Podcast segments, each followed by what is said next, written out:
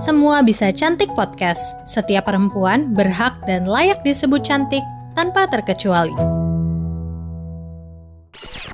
Ajak si kecil belajar sambil mendengarkan dongeng. Media hiburan edukatif, berkualitas, serta aman bagi screen time si kecil yang bisa diakses di mana saja, kapan saja.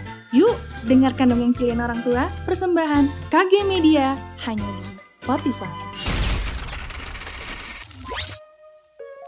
Halo, kembali lagi dengan saya, Dian Pratiwi, dokter spesialis kulit dan kelamin. Di episode kali ini, saya akan membahas mengenai akibat jika kamu abai membersihkan kulit wajah. Membersihkan wajah adalah hal yang penting karena kulit wajah yang bersih adalah kanvas yang baik untuk semua yang kita aplikasikan. Penggunaan skincare tidak akan optimal apabila wajah kita masih belum bersih dari kotoran. Setiap harinya kulit wajah kita dilapisi berbagai produk, skincare, makeup, hingga polusi dan debu jalanan yang menyebabkan kondisi wajah menjadi kotor. Layaknya badan, wajah pun perlu kita bersihkan. Namun, menggunakan air saja tidak cukup. Perlu setidaknya cleanser dasar pembersih wajah. Bahkan ada yang menggunakan produk pendukung lainnya, misalnya cleansing oil, cleansing balm, micellar water, dan lainnya. Tentunya kita harus selalu memperhatikan kandungan produk yang dipilih sesuai dengan kondisi kulit kita. Kisah pejuang jerawat kali ini datang dari Isnani. Tipe kulitnya normal to dry skin, yang muncul jerawat hanya di saat menstruasi saja. Namun, semuanya berubah mulai akhir 2019.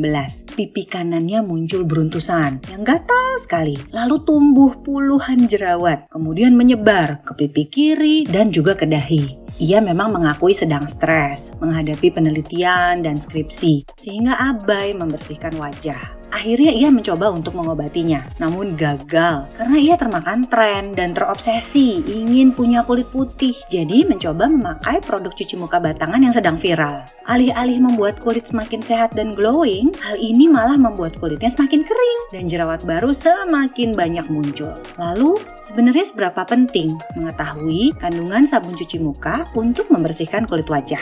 Membersihkan wajah merupakan tahap pertama dan penting dalam basic skincare yang tidak boleh dilewatkan. Manfaatnya pun banyak, membersihkan minyak, debu, kotoran, makeup yang kalau tidak dibersihkan akan memicu berbagai masalah kulit. Yang kedua, boost hidrasi kulit. Lalu, membantu mencegah breakout karena sebum, kotoran, dan makeup yang tidak dibersihkan akan menyumbat pori, memicu komedo, dan jerawat. Dan yang terpenting, cuci muka membantu kulit menyerap produk skincare yang kita oles dengan lebih baik dan lebih optimal.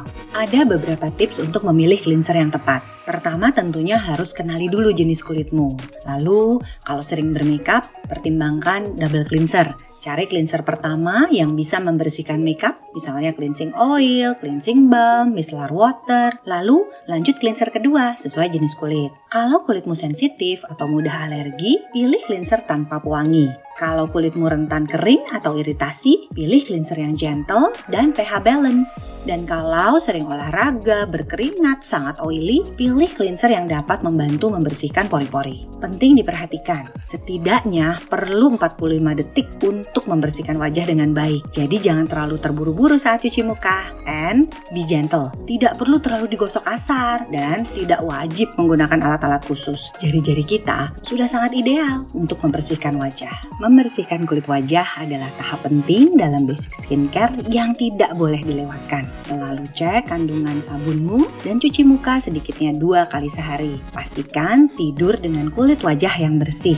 Ingat, kulit yang sehat berawal dari kulit yang bersih. Terima kasih sudah mendengarkan episode ini. Jangan lupa follow dan beri rating untuk podcast Semua Bisa Cantik. Saya Dian Pratiwi, dokter spesialis kulit dan kelamin. Sampai jumpa di episode selanjutnya. Salam kulit sehat.